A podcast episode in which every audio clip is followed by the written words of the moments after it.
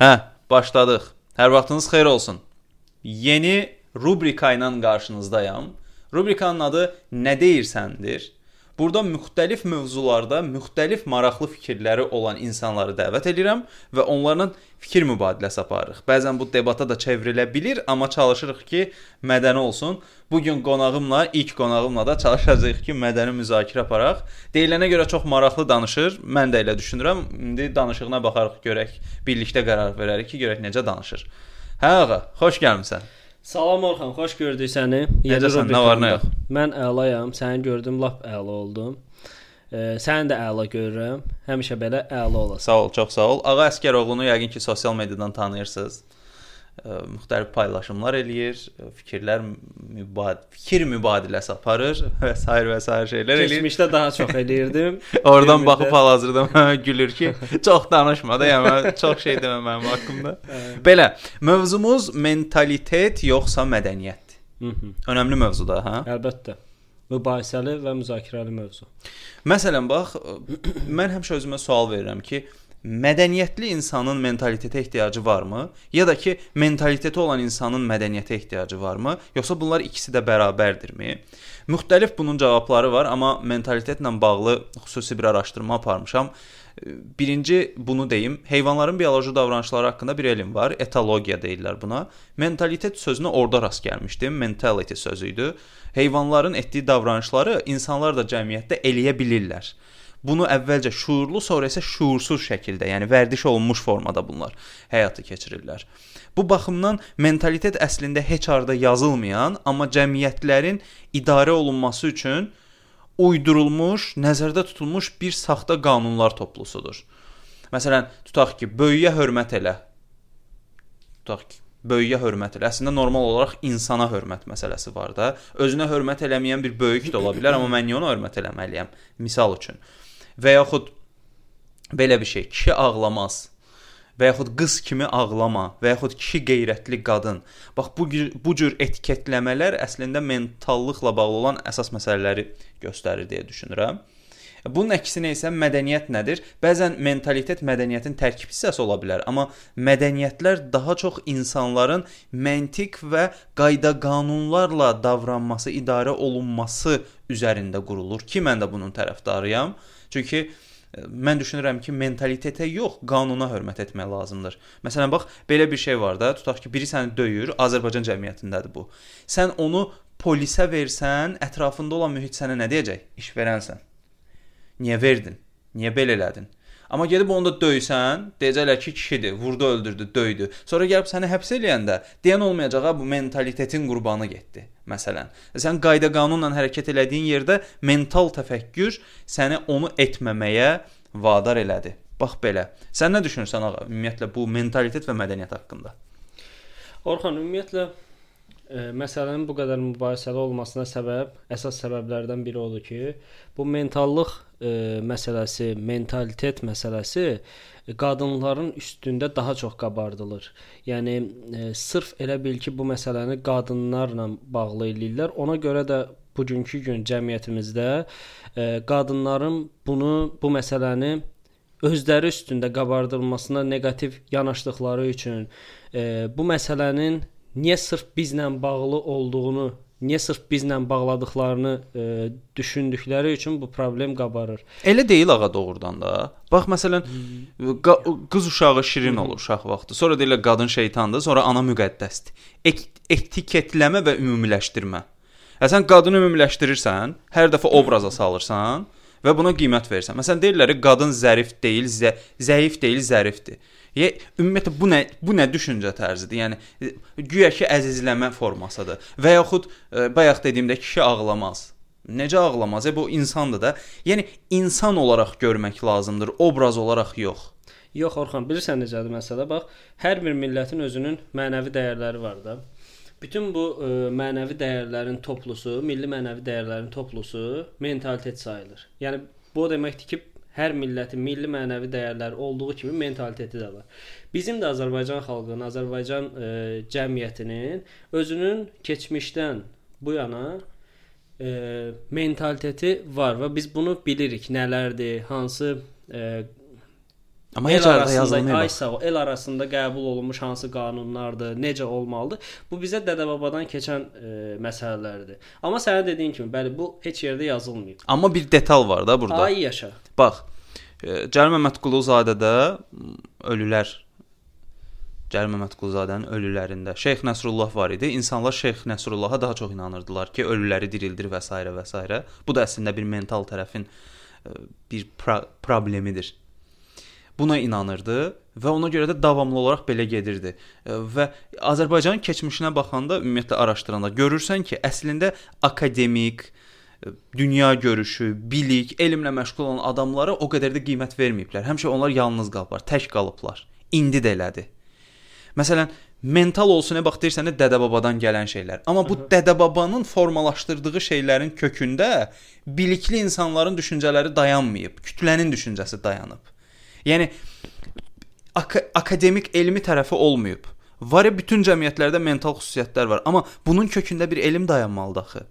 Bunu Okey, qəbul Orxan, ağıllı adam biz, olmalıdır axı. e, Biz hər məsələdə elmi, hər məsələdə nəyinsə e, sübutunu axtarsaq, onda bizim demək olar ki, demək inancımız da olmamalıdır, bizim hansısa dəyərlərimiz də olma olmamalıdır. Çünki hər şeyin ucunda bir e, elm axtarmaq doğru bir şey deyil. E, bayaq Nə axtaraq bax, bəs? bax mən onu izah edeyim Hə. sənə. Bax bayaqları e, müzakirəyə təzə başlayanda belə bir fikir səsləndirdik də.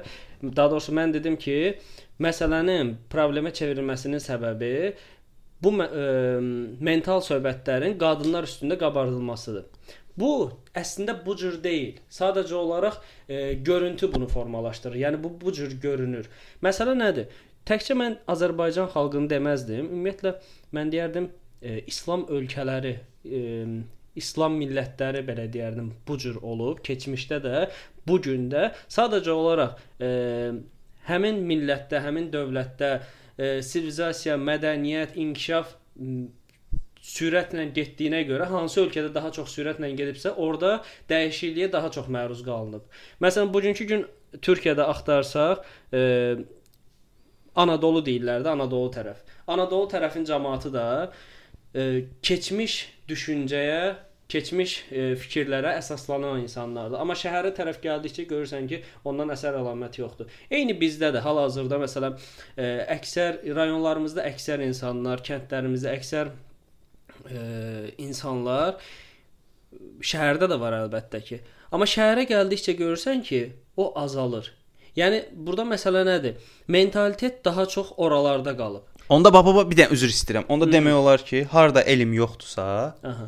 mental təfəkkür daha orada daha çoxdur. Hə? Yox, o elmlə bağlı olan bir şey deyil. Mən yenə deyirəm, elmlə bağlı deyil. Təhsil. Sadəcə olaraq sadəcə olaraq şəhərə gəldikcə şəhərə gələn xarici turistlərin sayı, şəhərdə istifadə olunan e,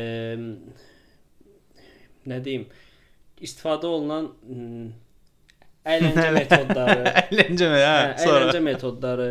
Ondan sonra şəhərdə hər şeyin e, çoxluq təşkil eləməsi, gənclər üçün daha e, daha çox vasitələrin olması.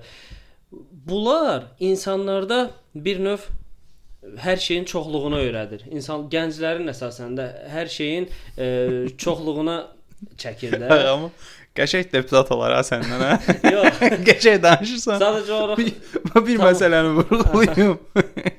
Çox maraqlıdır. E, məsələni vurğulayım. Deməli, harda təhsil varsa əslində Orada mental dəyərlər biraz azalmağa başlayır. Qanuna daha çox hörmət eləyirlər. Qayda, qanunlar, dəyərlər. Bax misal üçün 60 yaşında bir ağsaqqal da, yəni yaşı çox olan adama ağsaqqal deyirlər. Aha. Nə e, cavanları yığıb başına, babavız bilirsən cavanlığında nə edirdi, nə oyun çıxardırdı deyib. Sonra kiməsə, kiminsə həyatına, kiməsə ailə belə olmalıdır, qadın belə olmalıdır, kişi belə olmalıdır deyərək məsləhət verməsi doğru olar yoxsa yox? əzizim, Təbii ki, yox, düz deyil. Əlbəttə ki. Çünki bax bu bu e, üzr istəyirəm ifadəmə görə, amma həm də istəmirəm. Bu geri zekalılıqdır da. Axı sənin dediyin bu ağsaqqallar, bu insanlar hansısa cəmiyyətin e, bizim o qəbul etmədiyimiz, sənin dediyin kimi geri zəkalı e, insanlar necə deyim, kateqoriyasına daxil eləyək də. Axı hər mentalitetlə gedər, hər, hər mentalitetini qorumağa çalışan insanlar o cür düşünmür axı. Biz də mentalitet deyəndə sənin dediyin o tip adamları nəzərdə tutmuruq. Yəni onları önə çıxarmağa çalışmırıq. Onlar əlbəttə ki, e, bir növ belə biraz kobud desək, cəmiyyətimizin üz qaralarıdır. Nə Bax məsələn, tamam. Olsun üz qarası. Bir dənə nümunə gətir ki, Hı -hı. bu mentalitetə aiddir. Aha. Və çox dəqiq və maraqlı bir şeydir Əzim, və bax, bunu istifadə etməliyik. Yenə deyirəm. Dəqiq deyəndə əgər elmi bir sübutu, elmi bir əsası yoxdursa, o şeyin dəqiq bir e, o şeydə dəqiq bir şey axtarmaq olmaz. Sadəcə olaraq Bəs ürəyin bayaqda deyirsən ki, hər şeydə elm axtarmaq lazım deyil. Bax da, bu insanlar arasında zaman keçdikcə formalaşan, insanların e, milli mənəvi dəyərlərinə görə formalaşan və onları bu cür bir el arasında qanun şə şəklinə gətirən bir e, sistemdir. Sistemdir, ay sağ ol. Burada yəni elm, filan, sübut belə şey axtarma. Sadəcə bizim millət, hər millətin özünün e, necə deyirəm, xarakteri, xara xarakteri var. O gün məsələn bir verilişə qulaq asırdım. O verilişdə deməli e, bir yazıçı ilə feminist bir e, prokuror müzakirə eləyirdi feminist xanım idi. E, müzakirələri bütün bu məsələlər üstündə idi. Xanım, qadın haqqları, kişilər belə elə. Bax orada çox gözəl bir məsələyə toxundu. Dedi ki, Türkiyə İsveçrənin hansısa bir maddəsini, hüquqda olan hansısa bir maddəsini aldı, gətirdi, tətbiq elədi Türkiyədə. Deyir, "Okay, mən bunun tərəfdarıyam o tərəfdən, xaricdən hansısa bir e, qəbul olunmuş bir maddəni alıb gətirib tətbiq edir öz ölkəmizdə. Axı bu bizə uyğun bir maddə deyil. Sən İsveçrənin e, Lizası ilə Anadolunun məsələn Məryəm anasını e, necə bir eləyə bilərsən? Təbii. Tam, tam fərqli kültürə, tam fərqli e, həyat düşüncə tərzinə, tərzinə, düşüncə tərzinə malik olan e, iki fərqli millətdir də. Axı o doğru bir şey deyil. Eyni bax bizim məsələ də budur. Bizdə bugünkü gün avropalaşma e, getdiyi üçün, e, müasirləşmə olduğu üçün istər-istəməz e, inkişafda olan şəhər, belə deyək, inkişafda olan şəhər və yaxud sənin dediyin kimi biraz daha çox e, təhsillə bağlı olaraq xariclə əlaqələri olan gənclər, insanlar, yəni xarici xaricin nə olduğunu, xariclə bağlı düşüncələr ə, e, olan insan əlbəttə ki, bu mentaliteti, mental dəyərləri qəbul eləməz. Çünki artıq onların həyat tərzini görür. Onların ə, e, rahat həyat tərzini daha doğrusu görür və fikirləşir ki, niyə bizdə bu məhdudiyyətlər var? Amma üzr istəyirəm, mən burada bir şey əlavə eləyim. Mən düşünürəm ki, Avropalaşmaq, nəsə olmaq doğru deyil struktur belə olmalıdır da. Bir sistemi götürməlisən, öz dəyərlərinə uyğun onu formalaşdırmalısan və belə inkişaf elətdirməlisən. Və bir bir cəmiyyətin formalaşmasının kökündə dayanan şey də təhsildir. Əzizim, yəni yoxdursa təhsil, Avropanınkini gətir, Afrikadan Zimbabveninkin gətir, alınmayacaq. Mütləq şəkildə təhsil önəmlidir. Əzim, Düşünülən təhsil, insanlar lazımdır təhsil əslində. Təhsil önəmlidir, təhsil gözəl bir şeydir, təhsil üstünlükdür, okey. Amma sadaladığımız davranış, insan davranışları arasında təhsil e, necə deyim, nömrə 1 məfhum deyil kütlə üçün deyil də, Azərbaycanda da elə deyil. Yox, ümumiyyətlə dünya üçün belədir. Təhsil nömrə 1 ola bilməz. Belə bir məsələ var da. Niyə nömrə 1 təbəs cəmiyyət necə formalaşır? Təhsil yenə deyirəm üstünlük və bu sıralamada olan bir maddədir. Maddədir, ay sağ ol. Amma nömrə 1 ola bilər. Nömrə 1 birinci insanın öz vicdan vicdanı, davranışları, bax, insanlığı. Okay olsun bax. İnsanlar arasında e, kommunikasiya hörməti, hə? hörməti. Bax, yəni də, insanın vicdanı, vicdan hə. anlayışını da psixologiya izah eləyir ki, vicdan əslində nədir? Əzizim, vicdanın nə olduğunu olmayan dövrlərdə vicdan hə. yox idi, insanlıq yox idi. Yox, psixologiya kəşf olunandan sonra bilinir də vicdan nədir okay əslində. Də. Ona qədər insan bilmirdi axı nədir. Yəni o psixologiya olmayan dövrdə də Hı. insanlar bir-birinə yaxşılıq eləyirdi. Amma İnsan... bilmirdi ki, elədiyi şeyin adı nədir, adını qoya bilmirdilər. Okay, ad qoya bilməsin, amma ə, e, qarşısındakının ona elədiyi təbəssüm, qarşısındakı Lakin ona elədiyi minnətdarlıq, ən azından deyək ki, bir baş əyməsi ondan razı qaldığını göstərirdi də. Tamam, o zaman belə deyim də, belə de deyirsən ki, hər şey əslində təhsildən kənar avtomatik olaraq yaranır. Hı -hı. Təhsil də bir nömrə deyil, insanların özlərinin xüsusiyyətləri var. O xüsusiyyətlər öndə gedir. Təhsil sadəcə bir əlavə bir üstünlük kimi bir şeydir, hə? Düz başa düşdüm. Elə. Tamam. Ə, Mən düşünürəm ki, Bax bir dənə üzr istəyirəm, bir şey deyim sənə. Bax məsələn bizdə bilirsən də məşhurdur. Mütləq universitet oxumalısan. Mütləq e, Diplom almalısan. oxuyandan sonra diplom e, aldın və yaxud onu alana qədər mütləq xarici dil öyrənməlisən, hə? Yoxsa səni işə götürməzlər. Bax heç kim demir ha, xarici dil bilməyin yaxşıdır. Xarici dili bil. Ölkəyə xarici turistlər gələndə, onlara hər hansı bir produkt satanda, xidmət verəndə, ondan ingilis dilində ünsiyyət qura biləsən. Heç kim bu cür yanaşmır ha. Heç kim deyəndə heç kimin adından danışmayım, yəni əksəriyyəti. Əsaslı valideynlər hamı bunu deyir. İş tapmaq üçün mütləq xarici dil bilməlisən və yaxud iş tapmaq üçün mütləq diplomun olmalıdır. Elə sənin özünün tanıdığın nə qədər insanlar var ki, heç diplomu yoxdur. Diplomlu insanlardan yaxşı pul qazanır. Hı -hı. Diplomlu insanlardan yaxşı ailə saxlayır. Doğru. Yəni burada demirəm ha, diplom almaq, diplomlu olmaq. Mənim özüm də diplomluyam, sən də diplomlusan. Pis bir şeydir demirəm. Bunlar hamısı üstünlükdür. İnsan üçün gözəl bir şeydir. Amma həyatda yaşamaq üçün, gözəl yaşamaq üçün və yaxud ə, insanlığa dair gözəl bir şeylər eləmək üçün təhsil, ə, diplom, xarici dil üstünlükdür, gözəl bir şeydir, amma əsas bir şey deyil. Yəni onlarsız da sən bunu eləyə bilərsən. Hmm. Və ən əsas məsələlərdən birini də toxum, sonra sən buna münasibət bildir. Bax bayaq dedim ki, qadınlara daha çox fokuslanırlar bu mentalitet söhbətində. O elə deyil. Kişilər sadəcə olaraq qədimdən bəri güc rəmzi olduğu üçün, xanımlar zəriflik rəmzi olduğu üçün hər zaman kişinin güc cəhətdən daha öndə olduğu plana çıxıb deyə xanımın da zərif olduğuna görə kişidən e, bir pillə geri olduğuna olduğunu düşündüyümüzə görə bu mentalitet söhbəti də bunun üstündən formalaşdığına görə istər-istəməz hər zaman qadınlar burada önə çıxarılır. Məsələn nə deyirlər? Deyirlər, e, anasına bax, qızını al. Məsələn, burada pis bir şey yoxdur ki. Yəni bu bizim mental mentalitetdə yaranmış e, Sən qadın alış-veriş mənbəyidir. Yox, al. yox. Hə. Al indi biz öz el arasında deyirik də, yaxşı, anasına bax, ona uyğun qızı ilə ailə qur. Ona uyğun evlən. Ay sağ ol. hə. Yəni Palaza birin ellə sürün. hə, yəni burada o qadın, ana burada pis obraza girmir ki, onu pis demirlər ki. Sadəcə deyirlər ki, əgər münasibət qurduğun bir insan varsa, onun birinci ailəsinə bax. Bu təbii ki, indi belə deyil, keçmişdə belə olub. E, ailəsinə bax.